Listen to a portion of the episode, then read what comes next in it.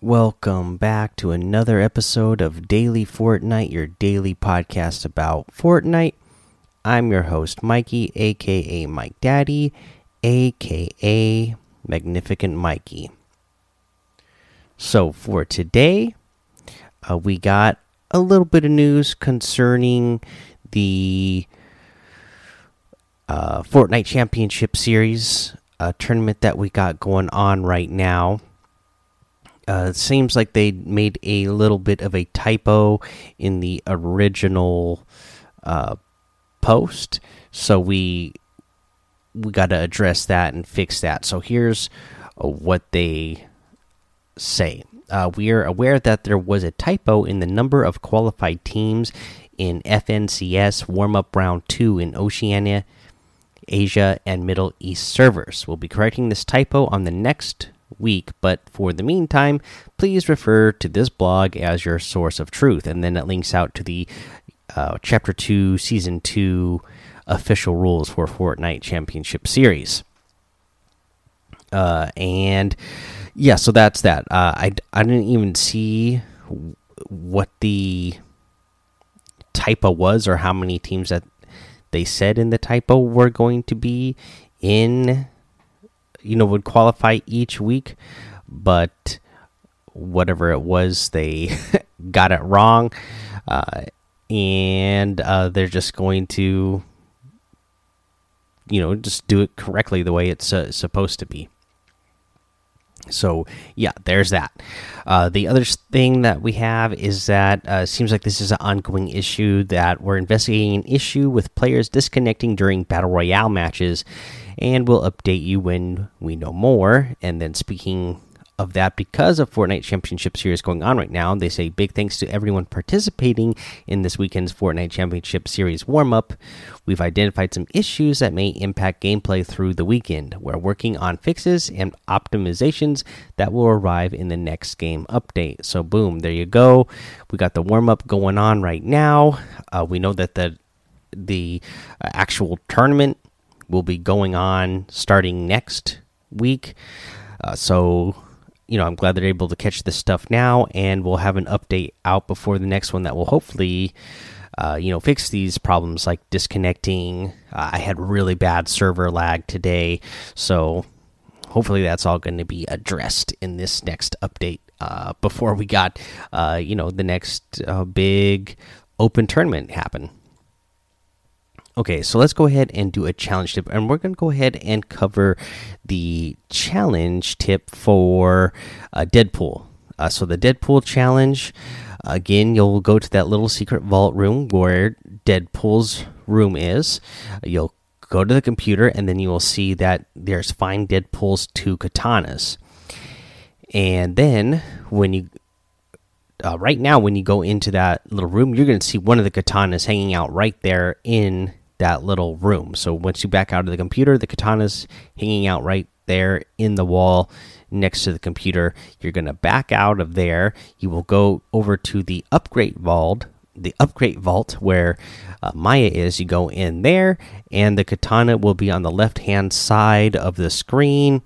Uh, next to like a duffel bag, an AR, and a pickaxe. So that's how you get that challenge done. Now, let's go ahead and take a break. Come back. We'll go over the item shop and our tip of the day. Alrighty, here we go. Here's the item shop. We have the Infinity outfit that comes with the Starfield backbling for 1,500. The Star Strike harvesting tool that is 800 V bucks. The Eternal Zero wrap for 500. And then we have a couple of new items I'm really excited about uh, you know, getting ready to gear up for uh, uh, St. Patrick's Day. The first one is the Chance outfit. Leave it to Chance, and it comes with the lush lush edge backbling spring style with an angular edge. And uh, yeah, so this is, uh, you know, your uh, red-headed, green-eyed girl wearing some green track pants, uh, green or a hoodie that's white with like green accents the the the back bling matches it. A green cap on the back. Uh, definitely a really great looking outfit here. Uh, there's the Silver Strikers harvesting tool. Swing away. It's two bats. And then we have the Clover team leader, Spread the Luck. This is, you know, it's like Panda team leader and the Cuddle team leader, only this one is a dog and it has green fur. Pretty awesome looking. 800 V bucks for one of these. You know, the the Panda team leader and the Cuddle team leader are 2000 V bucks each. So this is great that you get this style outfit for 800 V bucks. That is pretty awesome. Uh, let's see here. We also have the new Lucky Clover back bling pack, a little luck, and it is a three leaf clover backpack. Uh, let's see here. You have the focus outfit that comes with the Chuck Pack back bling for 1,200, the sizzling emote for 800, the icebreaker harvesting tool for 500, the dream feet emote for 500, and the step it up emote for 500 as well. Now, you can get any of these items using code MikeDaddy, M M M I K E D A D D Y, in the item shop, and some of the proceeds will go to help support the show. Now, for our tip of the day, since we are getting ready to gear up for a duos Fortnite Championship Series. I figured we should do a tip for that. And, you know, this can actually work for you in squads as well. This is not going to work in solo, as you will uh, hear why, because it is it is a necessity to have another player to do this trick. Uh, but here's what you do, and this is a easy way to break into somebody's uh, box right now. So you have two players. One player is going to be spamming their weapon breaking down that build uh, on one wall, and they're going to be pushing forward at the same time. So you're going to be all the way up against the wall and still walking forward and breaking the wall at the same time. Now, the second player is going to walk directly into the back of the first player and shoot, you know, shoot, shoot directly at the wall as well, uh, breaking the wall. And now what's going to happen is the second player is going to be able to push the first player in the front forward just enough that the first player will phase through the build uh, you know the turbo build of the person inside the box.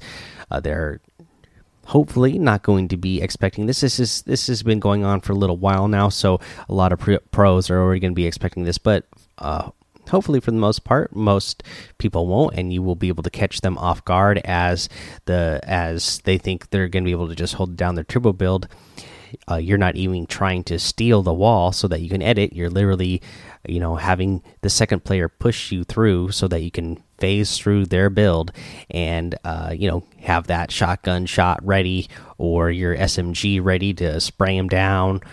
Uh, you know that, that that's the tip. That's uh, that's the way you do it. Pretty easy, pretty simple, but yes, it does require at least two players to do it. But there you goes, guys. That's the tip of the day. That's the episode. Go join the daily Fortnite Discord and hang out with us. Follow me over on Twitch, Twitter, and YouTube. It's a Mike Daddy on all of those. Head over to Apple Podcasts, leave a five star rating and a written review for a shout out on the show. Make sure you subscribe so you don't miss an episode. And until next time, have fun, be safe, and don't get lost in the storm.